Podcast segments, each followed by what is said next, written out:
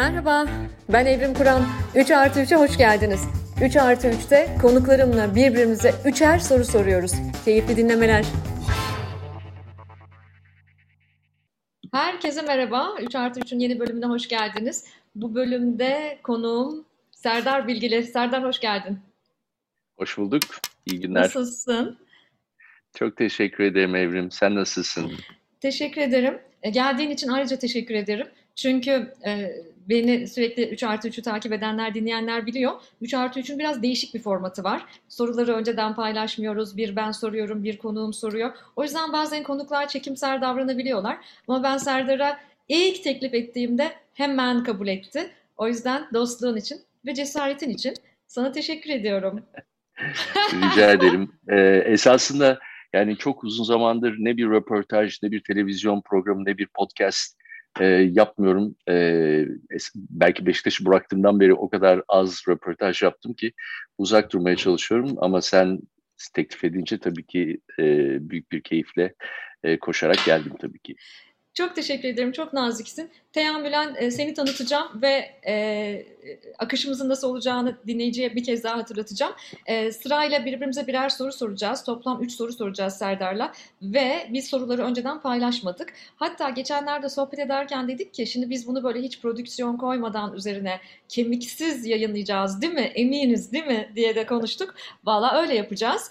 Serdar bir iş insanı e, Bilgili Holding Yönetim Kurulu Başkanı. Onu zaten tanıyorsunuz ama ben kendi dilimin döndüğünce ben nasıl görüyorum konuklarımı öyle tanıtmak istiyorum. Ve benim için ayrı bir özelliği var, birçok ayrı özelliği var ama bir tane çok değerli bir özelliği var ki Beşiktaş'ımızın 31. başkanı kendisi.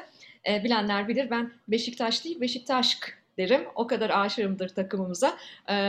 Beşiktaş'ta iki dönem başkanlık yapmış. Hatta 100. yılımızda 2003'te bize şampiyonluk yaşatmış Beşiktaş'ımızın 31. başkanı.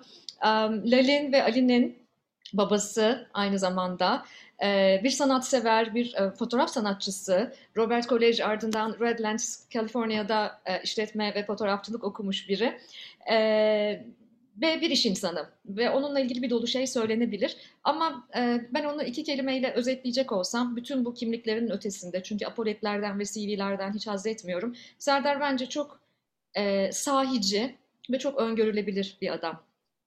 O yüzden ben onunla sohbetlerde çok şey öğreniyorum ve çok keyif alıyorum. E, 3 artı 3'e de böyle dostlarımı davet ediyorum. Tekrar teşekkür ediyorum Serdar geldiğin için. Benim için büyük bir keyif. Çok teşekkür ederim söylediklerin için.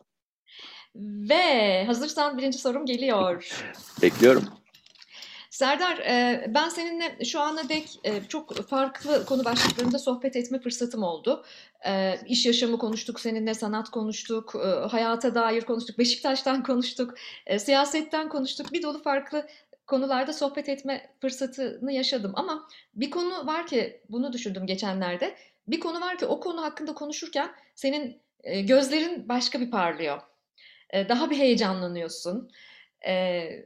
Dolayısıyla birinci sorum oradan gelecek. Bu da Galata Port. Galata Port 2014 yılından bu yana Doğuş grubuyla ortaklıkla yürüttüğünüz bu proje Ekim ayı sonunda açıldı değil mi? Ekim sonuydu. Ben de geçtiğimiz haftalarda Türkiye'deyken ziyaret etme fırsatı buldum. Çok heyecan verici. Bizler için, İstanbullular için evet heyecan verici ama sanki senin için başka bir dolu anlamları var gibi. O yüzden birinci sorun buradan geliyor. şunu biliyorum Galata Port hem inşaat tekniği olarak dünyanın sayılı projelerinden biri hem 1.2 kilometrelik bir sahil şeridinde İstanbul'un göbeğinde 200 yıldır kapalı bir alanı açıyorsunuz falan hani bunları biliyoruz. Evet bunlar çok hoş ama bir yandan da çok eleştirilen de bir yapı. E, madem kemiksiz konuşuyoruz, geçenlerde İlber Ortaylı'nın bir yazısını okudum. Diyor ki e, Tophane'nin e, bir zamanlar İstanbul silüetine kattığı derinlik artık yok diyor. Mesela İlber, İlber Hoca öyle de eleştiriyor falan. Ama ben seninle Galata Port hakkında konuşurken, senin Galata Port, Port'la ilgili bugün ve yarınla ilgili düşüncelerini ve hayallerini dinlerken seni çok heyecanlı görüyorum. Bizim artık bu yaştan sonra heyecanlanmamız da çok kolay olmuyor bence. çok doğru. Çok Ve doğru. sorum geliyor sana. Nedir sen de Galata Port'un değeri, yeri? Niye bu kadar seni heyecanlandırıyor? Ee, sevgili Evrim, e, ben Beşiktaş başkanlığını bıraktıktan sonra yani 2004 yılından sonra benim daha evvelden e, Kahramanmaraş'ta ve İstanbul'da e, tekstil üretimim, fabrikalarım vardı, ortaklığım vardı. E, yavaş yavaş onlardan çekildim ve e, gayrimenkul geliştirme işine girdim. E, çünkü gayrimenkul geliştirmenin e, yani ticari tarafından öte bir de ciddi sanatsal bir tarafı var, kreatif bir tarafı var ve e, benim de e, yani beni çeken herhalde en önemli tarafı oldu. Çünkü yaptığın her iş bir eser, şehre kazandırıyorsun ve ben gittikten sonra da duruyor ve yıllarca duruyor ve yaptığım işten dolayı arkamdan ya kötü söylüyorlar ya iyi söylüyorlar ama bir anı bırakmış oluyorsun. Hele özellikle bunu İstanbul gibi bir şehirde e, yapabilirsem bu çok önemli bir şey. Ben de işte e, bu serüvene ufak tefek bir sürü inşaatlarım olmuştu ama hani gerçekten en keyifle başladığım önemli ve İstanbul'a imza alan projemiz bizim akaretlerdi biliyorsun. Yani e, akaretlerde böyle yıllarca altın kalmış, e, yarıda kalmış daha doğrusu. Halbuki e, Dolmabahçe Sarayı'nın e, çalışanlarının lojmanları olarak yapılmış, Sarkis Balyan tarafından yapılmış İstanbul'un göbeğinde ama mezvelerik olarak yıllardır duran bir projeydi. Onu aldım, yeniledim ve çok büyük zevk aldık. Yani o benim için çok önemli bir e, yani akaretlerden önce ve akaretlerden sonra diyebilirim. Benim ticari hayatımda da akaretlerden öncesi ve sonrası var. Ee, onunla birlikte başlayarak gerçekten çok önemli ve değerli projelere imza atma şansımız oldu. Amerika'da çok önemli projeler yapma fırsatımız oldu.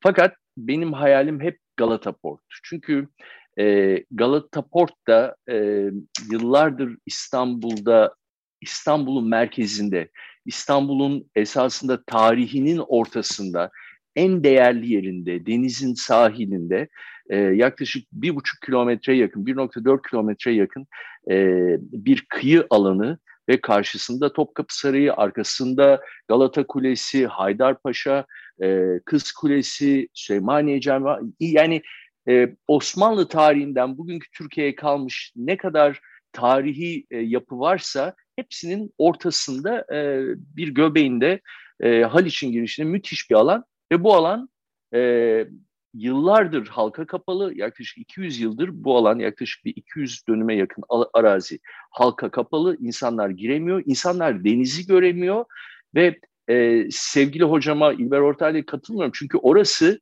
yıllardır depolar var zaten biz kapama depolar vardı orada yani bildiğiniz gibi yani o depoları da biz yapmadık. Yıllardır orası depolar e, ve çirkin bir görüntü vardı. E, ve orayı ben şehrin ortasında e, yeniden bir e, mahalle yaratmaya hep hayal ettim. Yani benim hayalimdeki projeydi. Yani bu e, hatta 2000 e, ben akaretleri yaparken Ozan oranın ihalesi olmuştu ve e, bir İsrailli aile Ofer ailesi almıştı ve yani, yani benim gücüm yetmezdi o zaman öyle bir proje altına girmeyi. O zaman o kadar gücüm yoktu ama çok e, kıskanmıştım açıkçası. Keşke ben de bu projenin içinde olsam ve ben de bir şeyler katabilsem diye. Neyse çok mutluyum ki yıllar sonra e, sevgili ortağım Ferit'le beraber tabii o büyük ortak bizim gücümüz daha az olduğu için biz küçük ortak olarak e, ama sağ olsun hep bizi böyle 50-50 gerçekten yarı yarıya ortak gibi bütün kararları birlikte alarak e, ve e, tasarım konusunda da bana çok e, önümü açıp yani ortak olarak bana çok inandı ve e, bugünkü bu projeyi gerçekleştirdik. Şimdi bu projenin e, senle de konuşmuştuk ama benim için e, en önemli şeyi e, şunu da söyleyeyim esasında geçenlerde mimar bir arkadaşımla e, karşılaştım orada ve bana dedi, sordum nasıl buldun dedim. Ya dedi Serdar dedi biraz dedi böyle bir karakteri yok buranın dedi. Böyle binaların hepsi farklı bir karakterde dedi. Bir de dedi sanki binalar yıllardır burada varmış hani böyle yeni bir bina gibi durmuyor dedi. Böyle bir e, bir şey var dedi. Hani e, yeni bir yapı gibi durmuyor dedi. Ben de dedim ki e, tamam dedim yani demek ki doğru yapmışız burayı. Çünkü biz burayı yaparken e, çevredeki tarihi dokuya saygı göstersin binalar hiçbir şekilde bağırmasın. Yani egosuz binalar olsun. E, doku e, bölgedeki dokuya yakın olsun. Bir AVM olmasın, bir kocaman bina olmasın. Mahalle olsun. Değişik karakterlerde yani karaktersiz diye a, ifade ettiği esasında tek bir karakteri olmayıp değişik karakterleri olan bir, bir değişik dokulardaki binaların e, irili ufaklı böyle dağıldığı sokakların ara sokakların olduğu yani arkadaki esasında binaların Karaköy'e doğru böyle geriye gittiğinizde o piksel gibi olan bina yapısını biz burada birebir uygulayalım. Burayı açtığımız zaman da insanlar desin ki sanki ya bunlar yıllardır sanki buradaydı. Birisi geldi bunların dışını yeniledi, temizledi. Binalar yeniden ortaya çıktı yapalım. Böyle bir his yaratalım. Ve e, aldığım bugüne kadarki e, yorumlar, feedback de hep bu yönde oldu. Yani e, yıllardır sanki binalar orada duruyormuş. Hiç kimse bana gelip de ya bu muhteşem olmuş bu binalar demiyor. Çünkü öyle yapmaya çalışmadık. Yani buranın en güzel binasını ya ben şimdi Topkapı Sarayı'nın karşısında parlak bir bina yapabilir miyim? İddialı, bağıran, çağıran, mütevazi binalar olması lazım. Ve o şekilde yapmaya çalıştık. Tabii projenin en önemli kısmı da şuydu. Burası sonuçta bir kurvaziye limanı ve İstanbul'daki tek kurvaziye limanı ve gümrüksüz alan pardon özür dilerim gümrüklü alan, gümrüklü alan olması gerekiyor. Fakat biz o sahili gemiler geldiğinde gümrüklü alan olarak tuttuğumuz zaman halkın kullanımına yeniden kapatmamız lazım. Bunu nasıl yaparız, ne ederiz falan diye böyle düşünürken dünyada ilk defa olan bir şeyle kapaklar oluşturduk. E, gemi geldiği zaman kapaklar kalkıyor, duvar oluşturuyor, bir gümrük geçici bir gümrüklü alan oluşturuyor. Oradan e, yerin altına indiriyoruz e, gelen misafirleri, turistleri ve yerin altında kocaman bir e, terminal binası, işte e, pasaport kontrolü, free shoplar, e, valiz alma alanları, bekleme alanları falan bayağı havaalanı gibi bir alan var. Yani proje bu şekilde kompleks baktığınız zaman ofisi, işte Peninsula Oteli, e, yiyecek içecek alanlarıyla beraber biz İstanbul esasında bir hediye verdik. Burası bize ait değil. Biz burayı devletten kiraladık. Geçici olarak çok büyük bir yatırım yaptık. Yaptığımız yatırımın karşılığını almaya çalışıyoruz. Ha diyebilir ki insanlar ya burada biraz fazla betonlaşma var. O, e, haksız değiller. Yani keşke daha az yapabilseydik. Fakat e, söyleyeceğim şey binalar çok alçak gördüğünüz gibi. Hiç yüksek bir bina yok. Biraz beton kısmında fazla fakat mecburduk. Çünkü 702 milyon dolar biz 2013 senesinde nakit para ödeyerek orayı aldık. E, büyük bir rakam ödendi ve tabii ki o bedelin karşılığında çevreyi de fazla rahatsız etmeden e, bölgeye de saygılı bir şekilde binalar yaptık. Benim için en keyifli olanı da İstanbul burayı çok çabuk kabullendi ve sahiplendi. Hafta sonu belki 50-60 bin kişi orada yürüyordu ve geldi. Çok e, yani her gün bu sayıda insan geliyor oraya ve bu gittikçe de artacak gibi gözüküyor. Çok önemli iki tane müze var. Yani Türk çağdaş sanatının en iyi iki müzesi hem e, e, Heykel Sanat Müzesi Mimar e, Sinan Üniversitesi'ne bağlı e, hem de e, İstanbul Modern ki çok önemli bir mimar tarafından, Renzo Piano tarafından yeniden yapıldı. Bunların da içinde olduğu, bunun yanında etrafta yani bölgede de çok ciddi gelişme var. İşte galeriler açılmaya başladı tekrar.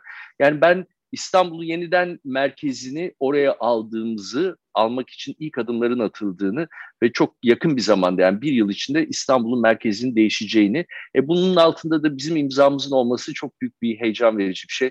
Yani ben öldükten sonra çocuklarım, torunlarım hani burada babamın da imzası vardı demesinden daha büyük bir gurur yok benim için. Yani yatırdığımız parayı çıkarabilir miyiz bilmiyorum ama e, bıraktığımız anının değerli olacağını düşünüyorum İstanbul için. Harika. Ben özellikle e, meselenin e, gençlik tarafını e, ele almadan duramayacak biri olarak da aynı zamanda şöyle de bir görüşüm var. E, bir istihdam fırsatı da var burada. Genç işsizliğinde Cumhuriyet tarihinin rekor seviyesine ulaştığımız bir dönemde e, çok ciddi şekilde de istihdam sağlıyor ve sağlamaya devam edecek diye anlıyorum değil mi bu proje?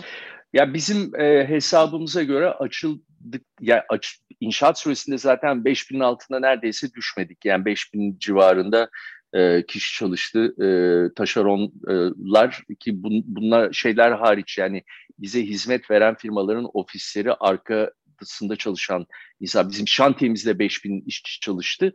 Açıldıktan sonra da bizim hesabımıza göre e, 5-6 bin kişi civarında insana istihdam sağlanacak burada. Ve e, yıllık 20 milyon üstünde 25-30 milyona yakın e, turist e, ziyaretçi olacak sadece terminalden yani bizim kurvaziye gemilerinden 2 milyon civarında e, turist bekliyoruz ki bu turist daha evvelden İstanbul'a gelmeyen e, gerçek turist ve varlıklı turist e, kurvaziye gemileriyle gezen O yüzden ben Türk ekonomisine ve İstanbul'a çok ciddi katkıda artı e, dediğin gibi işsizlikte de bayağı ciddi bir e, faydası olacağını düşünüyorum. Harika. Elinize sağlık. Heyecanla bekliyorum. Ben yayını e, özellikle Kanada'dan, Toronto'dan dinleyen e, göçmen dostlarıma bir şey söylemek istiyorum. Henüz e, görememiş olabilirsiniz. Mutlaka göreceksiniz memlekete gittiğinizde ama ben e, Galata Port'a ilk gittiğimde kendimi Distillery'de gezermiş gibi hissettim. Toronto'nun Distillery bölgesine her gittiğimde orayı çok seviyorum. E, keşke İstanbul'da da böyle bir yer olsa diye düşünürdüm. E, sanırım gördüğünüzde o hisse kapılacaksınız siz de. E, iddiasız ama kendi içerisinde e, bir hikayesi olan, büyük bir vaadi olan ve kuşakları kuşaktan kuşağa birleştiren bir bir platform gibi gördüm ben orayı. Elinize sağlık. Ben çok beğendim. İnşallah devamı gelsin ve soru sırası sende. Çok mersi. Soruyu sormadan iki şey daha eklemek istiyorum müsaade edersen Evlin. Ekle lütfen. Atladım. Ee, şimdi biz bu projenin esasında bir bölümünü açtık. Ee, ikinci bölümü Aralık sonunda açılıyor ki o da eski e, tarihi paket postanesi binası. Bu da çok özelliği olan çok hoş bir bina ve biz e, bu binayı tamamen orijinaline sadık kalarak e, restore ettik. E, ve içinde de e, böyle hani kapalı çarşının e, özellikle turistlere yönelik e, böyle selektif mağazalarından oluşan böyle bir e, mixle, shop mixle çok harika bir e, yer olacak. O da Aralık sonu açılacak. Ondan sonra seneye yani bu zamanlara doğru da e, Eylül-Ekim gibi de e, Peninsula Oteli açılacak. Peninsula Oteli de esasında Türkiye'de ilk defa bir yabancı otel grubunun yaptığı yatırımdır. İşletmeci firmalar genelde işte görüyorsun Sheraton'da, Hilton'da bunların hiçbir zaman para yatırmazlar. Bunlar gelirler, yatırımı e, mal sahibi yapar, onlar işletirler, işletmeden bir kar, e, cirodan bir yüzde alırlar. Burada ilk defa biz 50-50 Peninsula firmasıyla ortak bir yatırım yaptık. Yaklaşık 150 milyon euro onlar koydu. 150 biz koyduk. 300 milyon euro çok önemli ciddi bir otel yatırımıdır. Ben e, iddialı bir şekilde İstanbul'un en iyi oteli olacağını e, söyleyebilirim buradan. Hazırsan Harika. şimdi benim sorum geliyor. Ay, hazırım. Çok heyecanlıyım. ee, seninle ilgili e, baya bir araştırdım, soruşturdum. Fakat enteresan bir şeyle karşılaştım. Hiç bilmiyordum ve bir yerde de yazmıyor bu özelliği. Senin geçmişte bir askerlik tecrüben olduğunu öğrendim. Nasıl araştırdın? Yani biraz ağzım açık kaldı. Çünkü hiç duymuyordum. Yani bir, bu askerlik deneyimin olduğu doğru mu? Hayatının hangi döneminde oldu? Nasıl oldu ve nasıl bir tecrübeydi? Bunu heyecanla merak ediyorum. Herhalde seninle ilgili bunu da çok bilen insan olduğunu düşünmüyorum. Bunu duymak istiyorum senden. Ay, şu an çok gülüyorum çünkü e, bu e, yayınla ilgili, çekimle ilgili Serdar'la planlamalarımızı yaparken Serdar'a söz verdik. Dedik ki birbirimize her soruyu sorabiliriz. Ve önceden ve önceden kesinlikle paylaşmadan ben de Serdar'ın risk aldığını zannediyordum. Bekle daha neler geliyor sana. ben de meğer ben risk almışım. Ee, teşekkür ederim soru için. Ee, artık e, biraz yaş kemale eriyor. Bunları konuşabiliriz galiba. Gençliğimde evet ben deniz kuvvetlerinde e, e, Deniz Kuvvetleri'nde teğmenliğimde e, Deniz Kuvvetleri'nden Deniz Kuvvetleri Komutanlığı'na ayrılmış e, eski bir askerim doğrudur.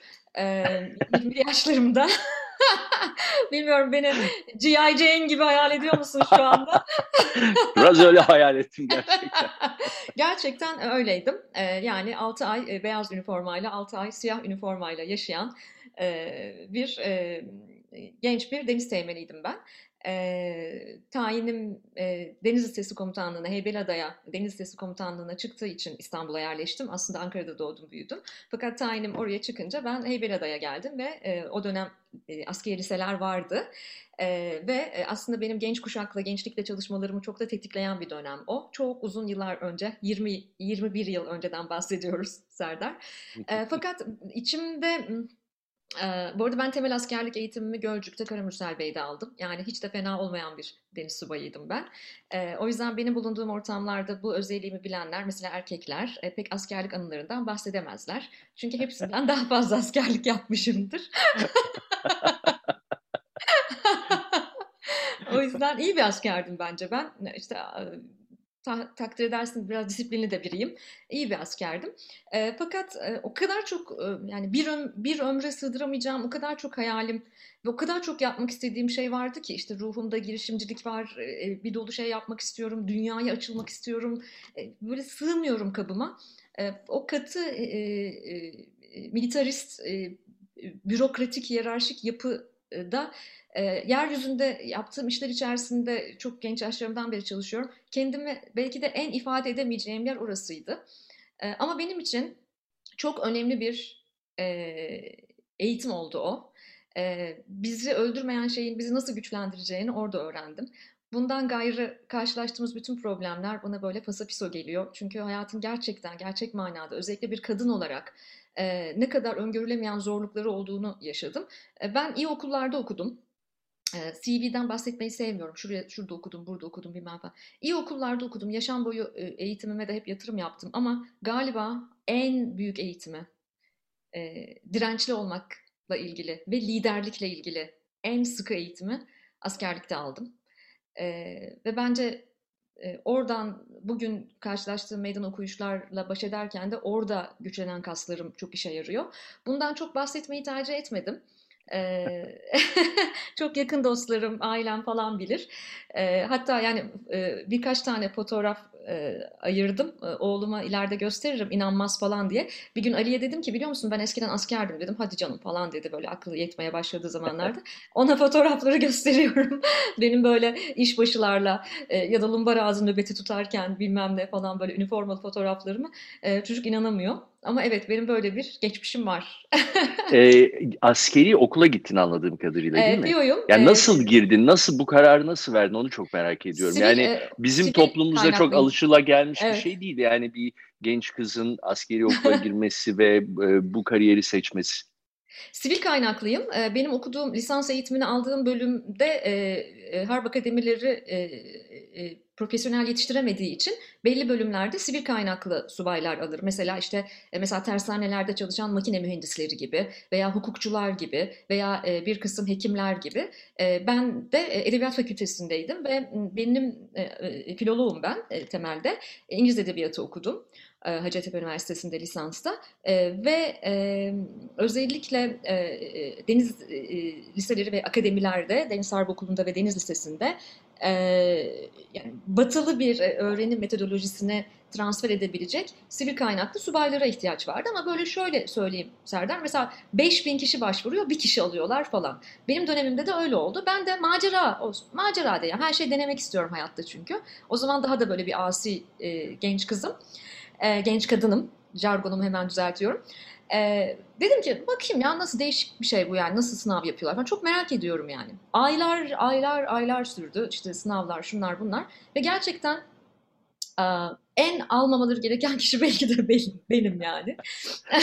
Ama e, tek başıma o şeyleri o süreçleri geçtim ve e, öyle hiçbir hani tanıdığım torpilim şuyum buyum benim babam bile işte askerliğini yapmamış bir hayatımda yakından üniforma bile görmemişim yani hiçbir alakam yok askerlik dünyasıyla. E, velhasıl e, İstanbul'da, o dön- Ankara'da o dönem kuvvet komutanlığında bir albay e, beni ikna etti. Yani senin dedi işte biz seni Amerika'ya da göndereceğiz dedi. Şöyle olacak böyle olacak bilmem ne falan. E, ve benim hoşuma gitti bu. Bir de o zamanlarda gerçekten işte Demi Moore falan izlemiştim. O G.I. Jane falan. A Few Good Men falan o zamanlar tamam mı? Böyle, aa dedim ne kadar tatlı süper üniforma falan.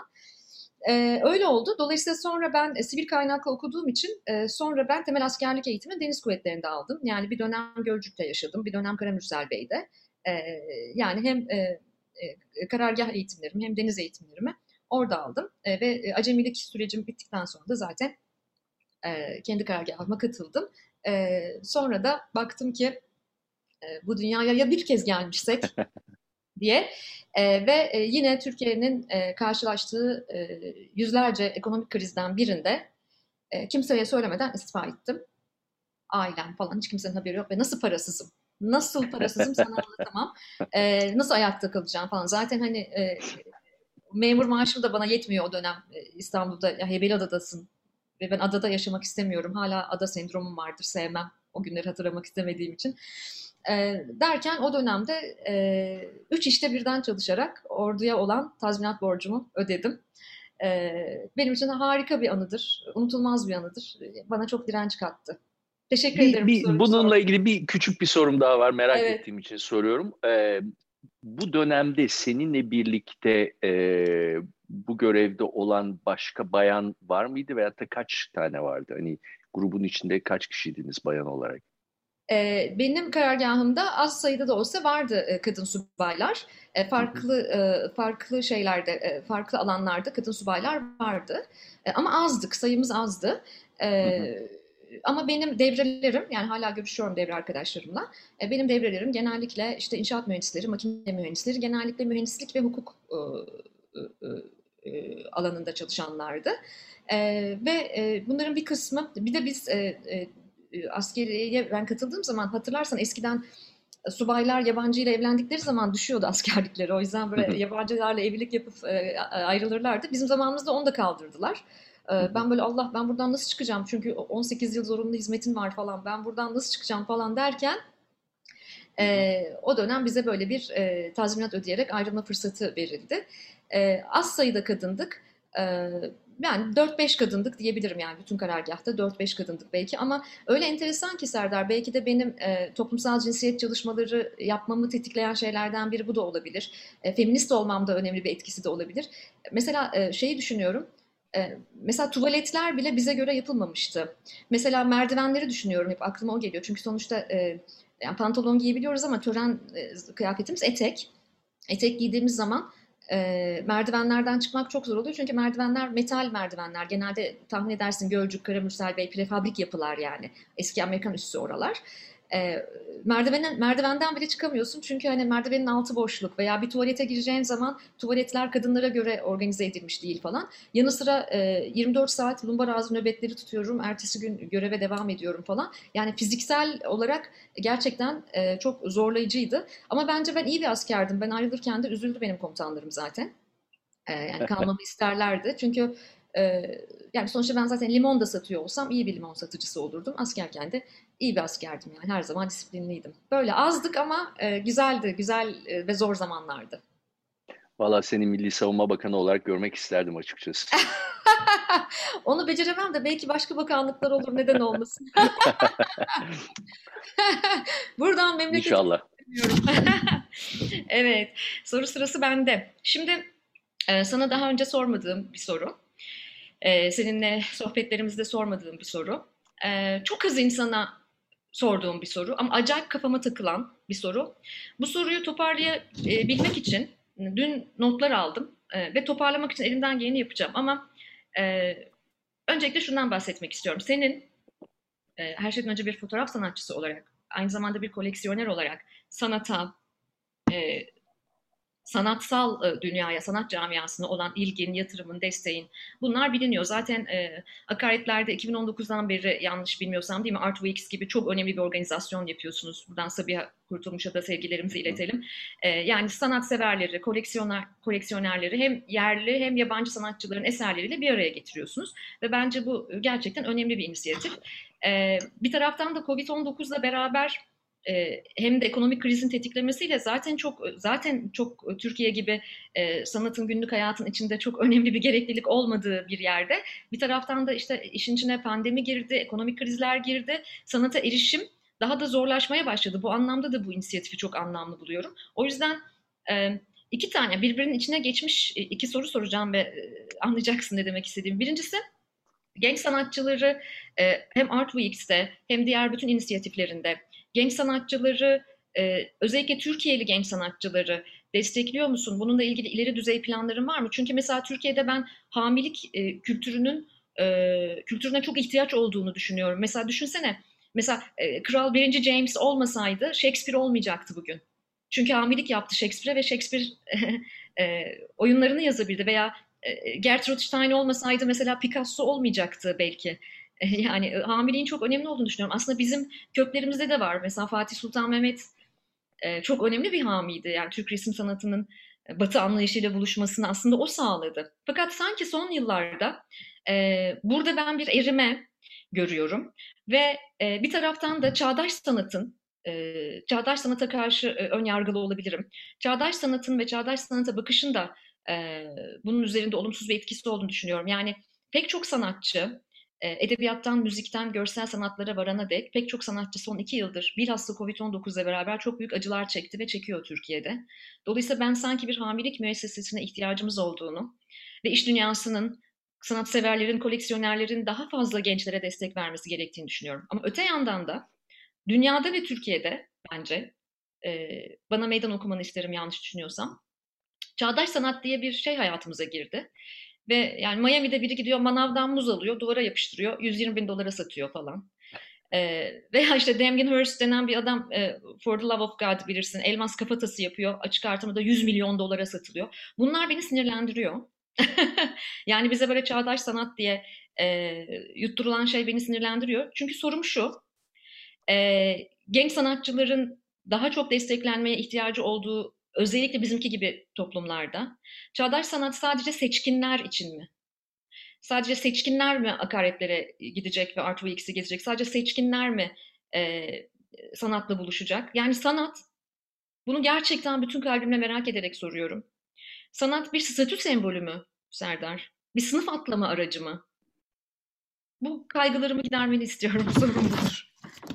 Ee, müsaade edersen esasında sormadığım bir açıyla önce bir e, değinmek istediğim bir şey var ve çok önemli olduğunu düşünüyorum. Ondan sonra da buna gireceğim.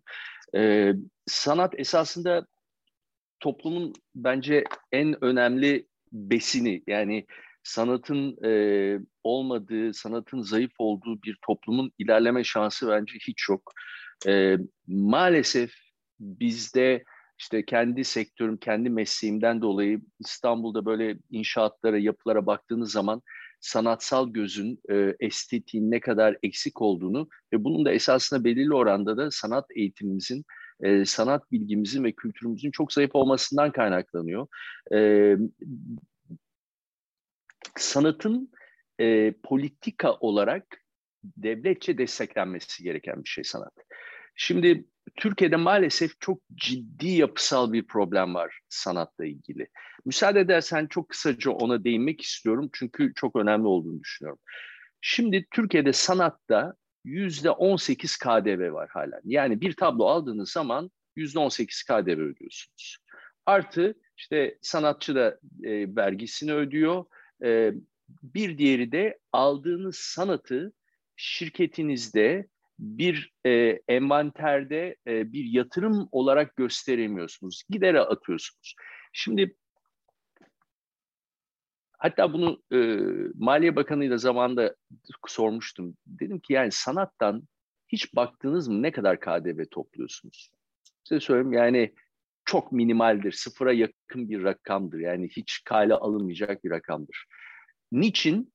Çünkü bugün koleksiyonerler, sanatçı, herkes e, faturasız alıyor sanatı. Çünkü KDV ödemek istemiyor. Çünkü KDV şirketinde kullanamıyorsun. E, defterine işleyemiyorsun. E, sanatçı %18 ödemek istemiyorsun. Sanatçı da vergisini ödemek istemiyor full olarak. Galeri zaten aracı oluyor. Ve sonuçta ne oluyor? Son derece ki galeriler en önemli e, kurumlardır burada. Çünkü sanat sanatçıyla e, koleksiyoneri yani sanat yatırımcısını buluşturan, onları bir araya getiren e, kurumlardır.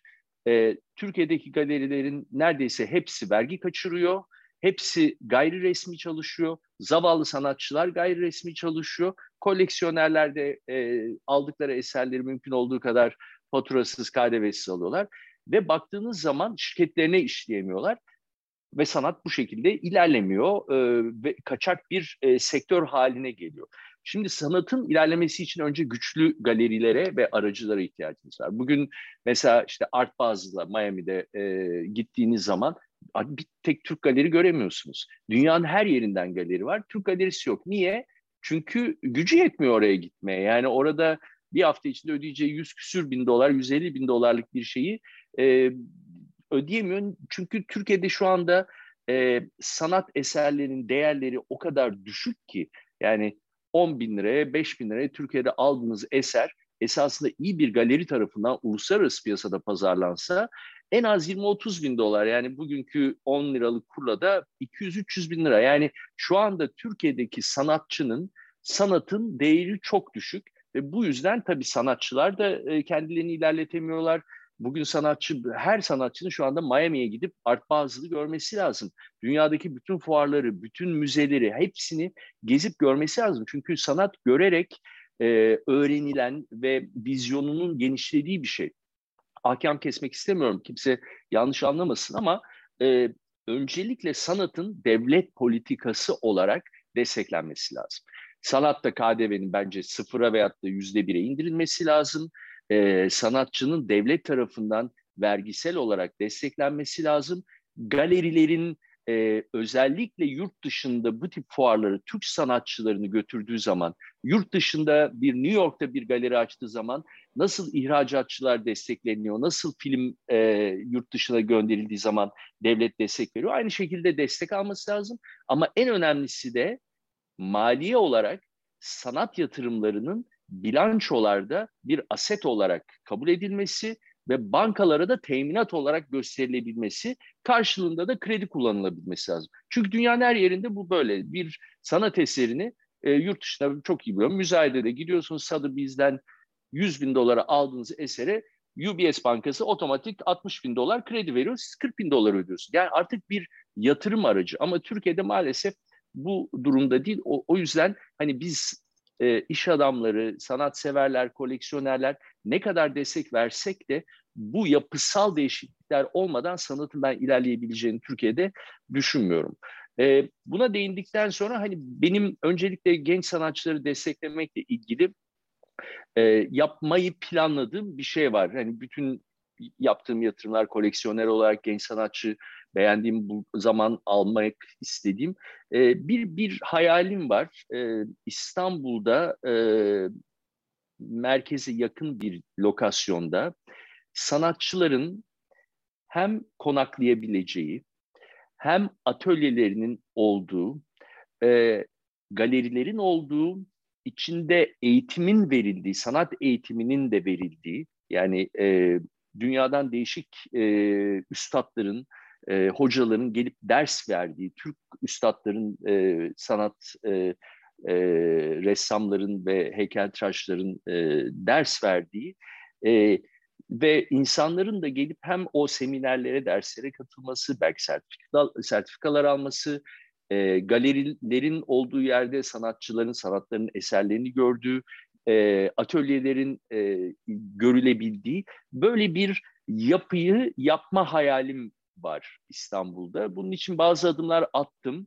E, amacım genç sanatçıları orada toplamak, onların e, çünkü şu anda atölye bulmak bir dert yani e, mecburen zavallar birçoğu yerin altında işte e, havalandırması olmayan tatsız yerlerde resim yapmaya, e, eserlerini e, oluşturmaya çalışıyorlar. Böyle bir çabam ve bir hayalim, böyle bir şeyim var. E, bunun için biz şirket olarak çalışıyoruz.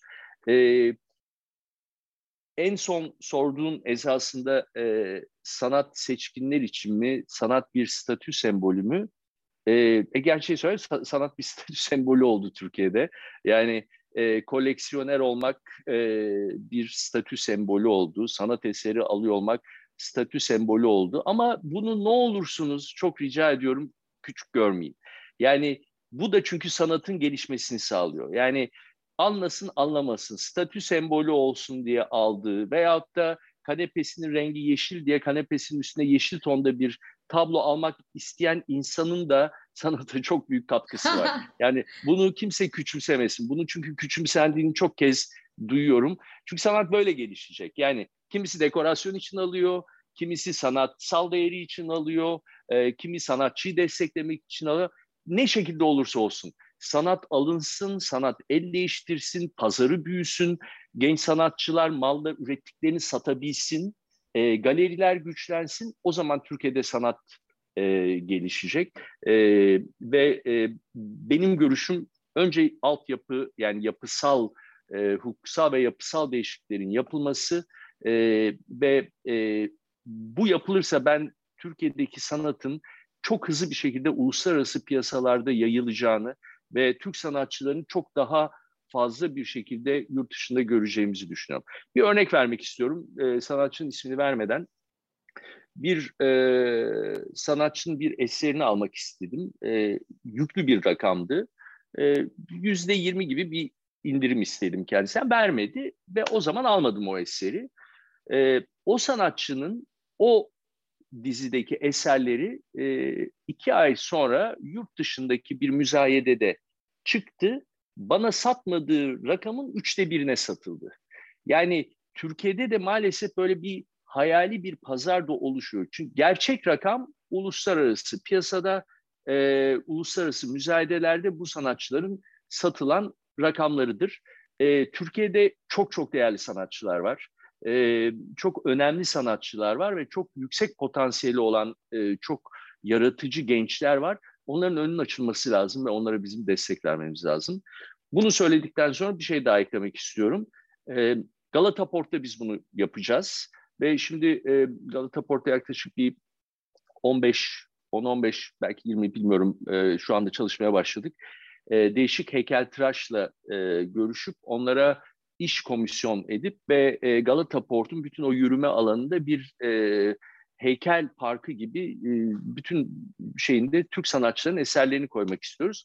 Hedefimde esasında bir tane de çok önemli bir yabancı sanatçıyı koymak vardı. Onu daha gerçekleştiremedik, izinlerini alamadık ama onu alabilsek onu da yapmak istiyorum. Yani Galata Port dediğim gibi İstanbul'un bir e, sanat merkezi e, zaten müzelerle birlikte olacak ama biz de Galata Port olarak buna ayrıca destek vermek istiyoruz. Harika, çok teşekkür ederim. Gerçekten bir paradigmamı kaydırmış olabilirsin. Her şeyin sınıfsal olduğunu düşünmenin bana verdiği rahatsızlıkla sanata, bilhassa çağdaş sanata da karşı böyle bir e, ön yargı geliştirmeye başladığımı düşünmüştüm. Ama söylediğin şey çok önemli. Evet bunu küçümsemememiz gerekiyor. E, buradan ben üzerime düşen dersi alıyorum. Dinleyenlerin de alacağını düşünüyorum. Teşekkür ederim. Harikasın ve soru sırası sende. Çok mersi. Ee, ya esasında araştırmama gerek yok. Ee, herkesin e, çok iyi bir Beşiktaşlı olduğunu e, biliyor. Ee, sormak istediğim şu. Neden Beşiktaşlısın? Yani Beşiktaşlılık nereden geliyor ve biraz da fanatik olduğunu da görüyorum. Ee, Beşiktaşlık senin için ne ifade ediyor? Yani Beşiktaşlılığın felsefi yanını senden duymak istiyorum. Ee, çünkü anladığım kadarıyla Beşiktaş senin içinde sadece bir e, futbol takımı tuttuğun bir takım değil, bir e, felsefesi, bir hayata bakışı e, ve bir, bir, bir mesajı var Beşiktaşlı olmanın. Onu senden duymak istiyorum. Çok güzel bir soru. İlk defa soruluyor bana bu. Ne güzel. Ee, evet, e, e, kendimi bildim bileli Beşiktaşlıyım. Ee, Ankara'da yaşadığım yıllarda küçükken e, Metin Ali Feyyaz dönemi diyeyim. E, Gordon Min e, hoca. E, o zaman Ankara'da hatırlarsın belki Etap Altınel Oteli var. Takım geldiğinde Ankara'ya e, deplasmana geldiğinde etap altın elde kalıyorlar. Şimdi orası ne oldu bilmiyorum. Hala otel mi bilmiyorum. Etap altın elde kalıyorlar. Minicik bir kız çocuğuyum ben. Ee, ve öyle bir kız çocuğuyum ki Beşiktaş yeniyor ağlıyorum, yeniliyor ağlıyorum yani. Hani öyle bir duygu seline kapılıyorum. Ee, Sözünü kesiyorum. O sıralarda da ben Beşiktaş'ta genel sekreterim. 26 evet, yaşında Süleyman abiyle beraber. Evet, tam da o dönemler işte. Ee, ve hala e, bir gün sana göstereceğim onları. Gordon Mill'le falan fotoğraflarım falan var böyle. Metin Ali Feyyaz dönemi. O zaman e, şeye, e, Mehmet'e, bizim Şifo'ya böyle bakıyorum. Sonra yıllar sonra Mehmet'le karşılaştığımızda baktım benim boyum biraz daha uzamış. Ee, e, böyle o kadar öyle bir hayranlığım var ki onların gerçek insanlar olduğunu bile düşünmüyorum. Sanki onlar daha e, fiktif e, süper kahramanlar gibi geliyor bana. E, yani öyle bir hayranlığım var Beşiktaş'a. Gidiyorum otelin önünde bekliyorum falan. Gordon Mill'le, Gordon Mill de beni seviyor böyle. E, ben böyle küçücük böyle e, küçük bir kız çocuğum ama işte Anadolu Sesi'nde okuyorum. İngilizce biliyorum tamam? Memur çocuğuyum. İngilizce biliyorum ama oturuyorum onunla İngilizce konuşuyorum falan böyle. Yani çok çok heyecan duyduğum yıllar. Beşiktaşlık benim için şöyle bir şey. E, hep bunu dostlarıma da söylerim işte bir maç kaybettiğimizde, bir yenilgiyle e, karşılaştığımızda Beşiktaşlılık benim için çok sosyolojik bir olay. Bir kere futbolun sosyolojisiyle zaten ben daha ziyade ilgiliyim. Futbolun bir sosyolojisi var. E, ikinci kitabım Z1 Kuşağı Anlamak e, kitabı için bir araştırma yapmıştık. Arka mahallelerle, ben de böyle kendi kendimin sözünü keserim Serdar bu arada daldan dala atlıyorum ama birleştireceğim hepsini birazdan. E, arka mahallelerde e, düşük sosyoekonomik seviyelerdeki dezavantajlı gençlerle yani çok düşük sosyoekonomik seviyedeki gençlerle ve kolej çocuklarıyla yüksek sosyoekonomik seviyelerdeki 18 yaş altı gençlerle karşılaştırmalı bir araştırma yapmıştık o kitap için ve orada şunu şunu arıyordum ben. Bu toplumda birleştirici unsur ne olabilir? Çünkü müzik birleştirmiyor, sosyal mecra birleştirmiyor. Birisi TikTok'ta e, gezerken öbürü e, Instagram Story veya işte e, Reddit'te falan. Biz bu çocukları e, hangi e, tutkalla birleştirebiliriz? Karşımıza çok net bir şey çıktı futbol. Futbolun böyle bir birleştiriciliği var. Dolayısıyla benim için de futbolun sosyolojisi önemli ama bütün takımlara saygım, sempatim sonsuz. Kesinlikle hiçbiri birinden daha iyi, daha kötü demiyorum. Ama Beşiktaşlılık daha başka bir sosyolojik olgu benim için. Beşiktaşlılık hani bize halk takımı yok işte arabacı mı ne öyle bir şeyler de söylüyorlar. Kendi kendine metafor buluyor insanlar falan ama Beşiktaşlılık benim için kapsayıcılıkla çok alakalı. hayatımı üzerine koyduğum, bütün çalışmalarımı üzerine koyduğum, çeşitlilik, kapsayıcılık çalışmalarının belki de benim için ilk çıkış noktası Beşiktaşlı olmak. Çünkü e, sadece futbol ve futbolla ilgili konuları değil, toplumun herhangi bir katmanındaki herhangi bir e, meseleye koyduğumuz tavırla bile kuşaklardır biz sosyolojik olarak var olan bir e, kitleyiz. İstanbul'da Beşiktaş semtinde oturuyorum. E, bu bile bana ayrı bir, yani Beşiktaş ilçesine bağlı bir semtte oturuyorum diyeyim. Bu bile bana ayrı bir e, heyecan veriyor. Balkonuma çıktığım zaman, işte sen benim sokağımı biliyorsun. Balkonuma çıktığım zaman sokakta e, esnafın astığı o Beşiktaş bayrakları bile bana gerçekten e, müthiş müthiş bir aşk enerjisi veriyor. Yani inanılmaz bağlıyım ve hayallerimden bir tanesi de bir gün bizim Beşiktaş'ımızda çok fazla kadın yönetici yok, çok fazla genç kadın yönetici de yok zaten. Hayallerimden biri de bir gün Beşiktaş'ımızın e, kadın yöneticilerinden biri olabilmek. Bunda hazır bu yayınla buradan cevap edeyim. İnşallah Sosyolojik, çok mutlu olurum.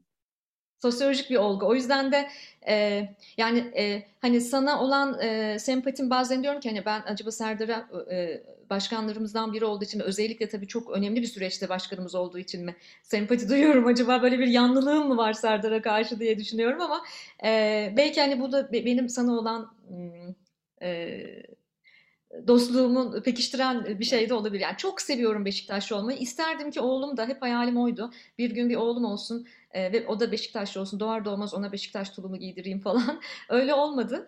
E, oğlum benim e, fanatik bir Galatasaraylı. E, evet fanatik bir Galatasaraylı. Çok enteresan ve e, ben ne kadar tutkulu bir Beşiktaşlıysam o da çok tutkulu bir Galatasaraylı. Ama e, futbolun öyle bir futbol sosyolojisinin öyle bir birleştiriciliği var ki e, çok sevgili Fatih Hoca buradan kendisine sevgilerimi, selamlarımı, saygılarımı iletiyorum. Çok çok sevdiğim biri benim.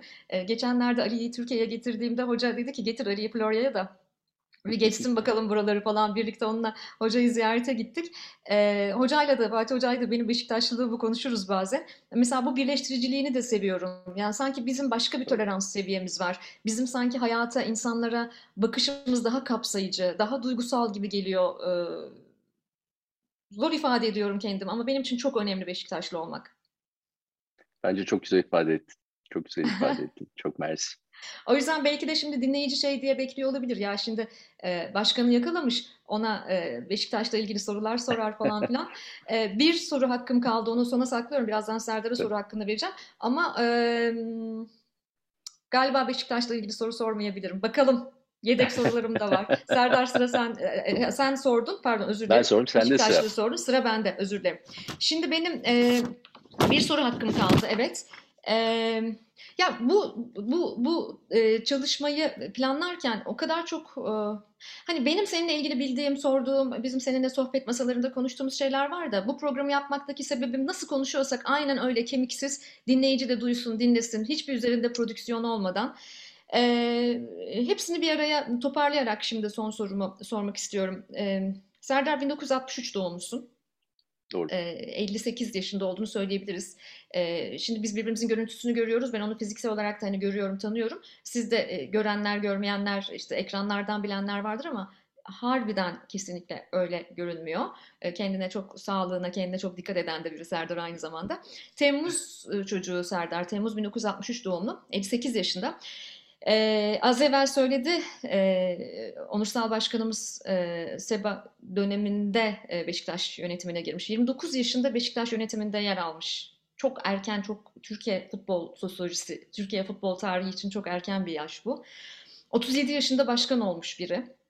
Ben 45 yaşındayım mesela. Aman yarabbi düşünüyorum 29'umda Beşiktaş yönetiminde olduğumu falan.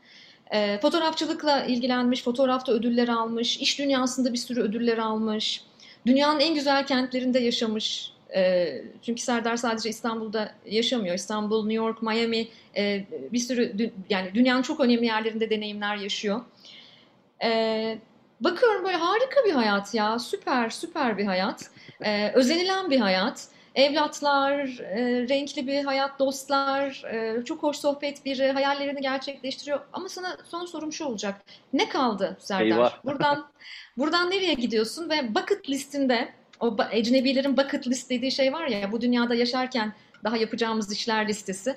Bucket listinde ne var? Çok merak ediyorum. Hiç sormadım sana bu soruyu galiba daha önce.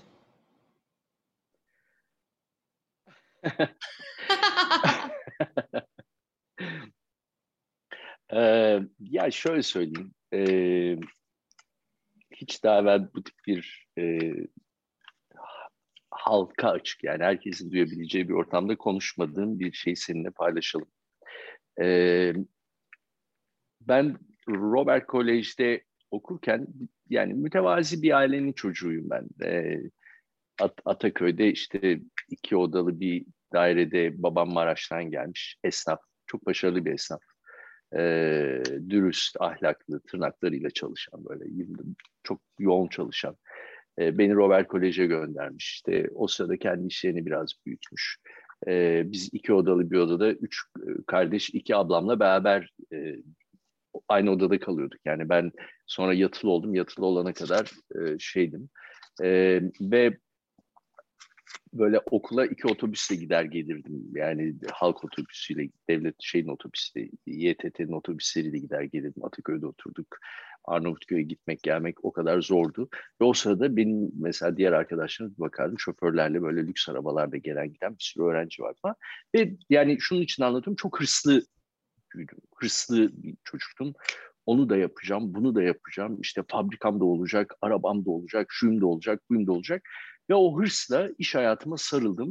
Ee, Allah'a şükür hani başarılı olduğumu söyleyebilirim. Yani hayal ettiklerimi en azından hepsini gerçekleştirdim. Bana sorarsan hani Serdar e, iş hayatında bir hayalim var mı? Valla en büyük hayalim Galata Port'u açmaktı. İşte Amerika'da bir iki şey yaptım. Hepsini yaptım. Yani e, Allah'ıma bin kere şükür. Gerçekten e, bu çok e, şanslı ve e, kendi çapımda başarılı olduğumu düşünüyorum iş hayatında. Fakat iş hayatımda ne kadar başarılı olduysam özel hayatımda da o kadar başarısız oldum. Yani başarısız evlilikler yaptım, e, yanlış ilişkilerim oldu e, ve e, sonuçta işte 58 yaşındayım. Bugün Serdar hayalin ne dersen halen e, aile diyeceğim yani çok enteresan bir şekilde. Yani halen çünkü ben bir aile içinde büyüdüm. Ee, annem babam annem vefat edene kadar hiçbir gün ayrılmadılar. Ablalarım aynı şekilde. Ailemde tek ayrı olan ve yalnız kalan neredeyse benim. Ee, onu niye beceremediğimi bilmiyorum. Yani o da herhalde benim bir e, geçmişinde olan bir e, şey. Ama bucket listimde halen e, çocuklarımla bir aile ortamında yaşıyor olmak. Bucket listim o. Ah, ben bu yayına başlarken adamda en sevdiğim şeyin sahicilik olduğunu söylemiştim. Çok hazırlıksız, hiç provasız yaptığımız bu sohbette bunu ortaya koydu. Teşekkür ederim bütün içtenliğin, samimiyetin için. Ve e, Sen son soruya hazır mısın? Gözlerimin dolduğunda itiraf etmek zorundayım. evet hazırım son soruya. Ee, biz seninle e, çok eski tanışmıyoruz, yeni tanışıyoruz ama gerçekten sana karşı müthiş bir, çok kısa bir zamanda hem çok sevdim, e, çok özel bir kadınsın sen. Çok gerçekten çok özelliklerin var. Keşke herkes seni benim tanıyabildiğim kadar yakından tanıma fırsatı olsa. E, yani şöyle bir baktığın zaman hani hoş sohbet, dost, arkadaş bana söylediklerinin daha fazlasında gerçek bir insansın. E, ama mesleğinde kariyerine baktığım zaman da o da çok enteresan. Şimdi bir de askerliği de ekledim yani hem asker, gençlik araştırmacısı, Türkiye'nin en önemli gençlik araştırmacısı, hoca, e, marka danışmanı yani şirketlere çok önemli marka danışmanlığı yapıyorsun. E, keynote speakers'ın, devamlı e, şeyler veriyorsun, e, konferanslarda konuşuyorsun. Podcast'im var. e, ve de en son dönemde tabii bir politika e, danışmanlığına da başladım. Ben şunu söylemek istiyorum. Ben seni politikanın içinde görmek istiyorum. Ben seni senin karakterinde, senin özelliğinde, e, senin kültüründe ve senin dürüstlüğünde insanların artık politikanın içinde olmasını ve Türkiye'nin geleceğinin altında imzasının olmasını istiyorum. Politik hedeflerin nedir Evrim? wow. wow. Cidden bana demişti bak hazır ol sorularıma diye. Ee, bütün e, Pandora'nın kutusunu açtık galiba bu yayında. Ee, evet bir sürü iş yapıyormuşum gibi görünüyor. Ee, şey gibi kaç tane şapkası var onu da yapıyor bunu da yapıyor falan. İşte soruyorlar nasıl yetişiyorsun ne yapıyorsun falan diye. Aslında tek bir iş yapıyorum. Bir sürü iş yapmıyorum. Hepsinin odağı aynı.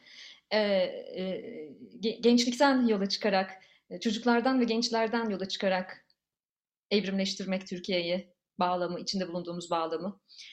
Ee, ve hayatta her şeyin politik olduğunu düşünüyorum. Sanatın politik olduğunu, futbolun politik olduğunu, işin, iş yaşamının politik olduğunu, hatta aşkın bile politik olduğunu, hayatta her şey politiktir. Buna inanıyorum. O yüzden de e, benim tabii ki politikada yer almamam e, mümkün değil. Biliyorsun Türkiye'ye kesin dönüş yapmaya hazırlandığım bir dönemdeyim. E, uzun zamandır Türkiye dışında yaşıyorum ama bütün e, odağım, hayatım, çalışmalarım, her şey özellikle son yıllarda çok fazla Türkiye üzerine. E, e, bir hayalim var tabii ki. Ee, Politik cevap istemiyorum. Evet, bir hayalim var. O da e, Türkiye'de aktif politika yapmak. Milletvekili olmak gibi bir hayalim yok. 550 e, sandalyeden birinde oturup elimi kaldırıp indirmek gibi bir hayalim yok. Politika üreten tarafta olmak gibi bir hayalim var. E, ve 20 küsur yıldır çok önemli bir birikimim var. Türkiye'de ve dünyada çok önemli araştırmaları içinde yer almış her türlü sektörü tanıyan, bilen biri olarak birçok önemli e, bilgiyi, deneyimi transfer edebileceğimi düşünüyorum. O yüzden evet e, gençlikle ilgili, gençlikten sorumlu e, e, veya istihdamla ilgili, istihdamdan sorumlu e, e, platformlarda e, çalışmak çok istiyorum. E, buna hayır demeyeceğim gibi görünüyor. Yani yer alacağım bir şekilde benim bucket listimde de bu var. Başka türlü bu dünyaya gelişimi onurlandıramam, anlamlandıramam gibi geliyor. Oturduğu yerden şikayet eden, oturduğu yerde klavye delikanlılığı yapacak kadın değilim. Eyleme inanıyorum, aktivistim. Bunun için de benim gibi insanların mutlaka aktif vatandaş olmaları ve oy vermenin ötesine geçmeleri gerekiyor diye düşünüyorum. E, muhalif olduğumu herkes bilir ve Türkiye'de muhalefet bloğunu destekleyecek çeşitli araştırmalarda, çalışmalarda elbette bulunuyorum. Ve daha fazlasını yapmayı hayal ediyorum. İnşallah yapacağım. Çok mutlu oldum bunu duyduğuma. Çok mu politik oldu bilmiyorum. yo yo çok güzel cevap verdin. Ben cevabımı aldım. Ee, bizler e, seni görmek istiyoruz ileride politikada. İnşallah. Türkiye'nin Türkiye'nin geleceğinde senin e, yönetimlerin içinde yer almanı e, gerçekten ümit ediyorum. İnşallah, inşallah. Ben de bunu çok ümit ediyorum. Ee, e, sana çok teşekkür ederim.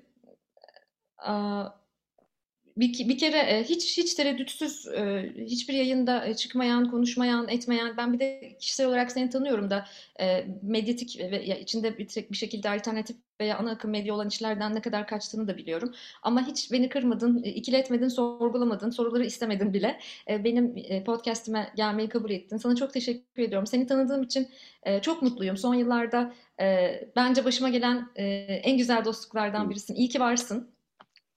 Çok çok teşekkür ederim. Aynı hisleri paylaşıyoruz seninle. Ben çok teşekkür ederim. Ee, dediğim gibi sen bana böyle bir şey teklif ettiğin zaman bir saniye düşünmedim ee, ve çok da keyif aldım bu sohbetten. Bu programı kapatıp biz devam edelim seninle sohbete. Tamamdır. İyi ki geldin. Hoşça kal Serdar. Çok teşekkürler. Sevgiler.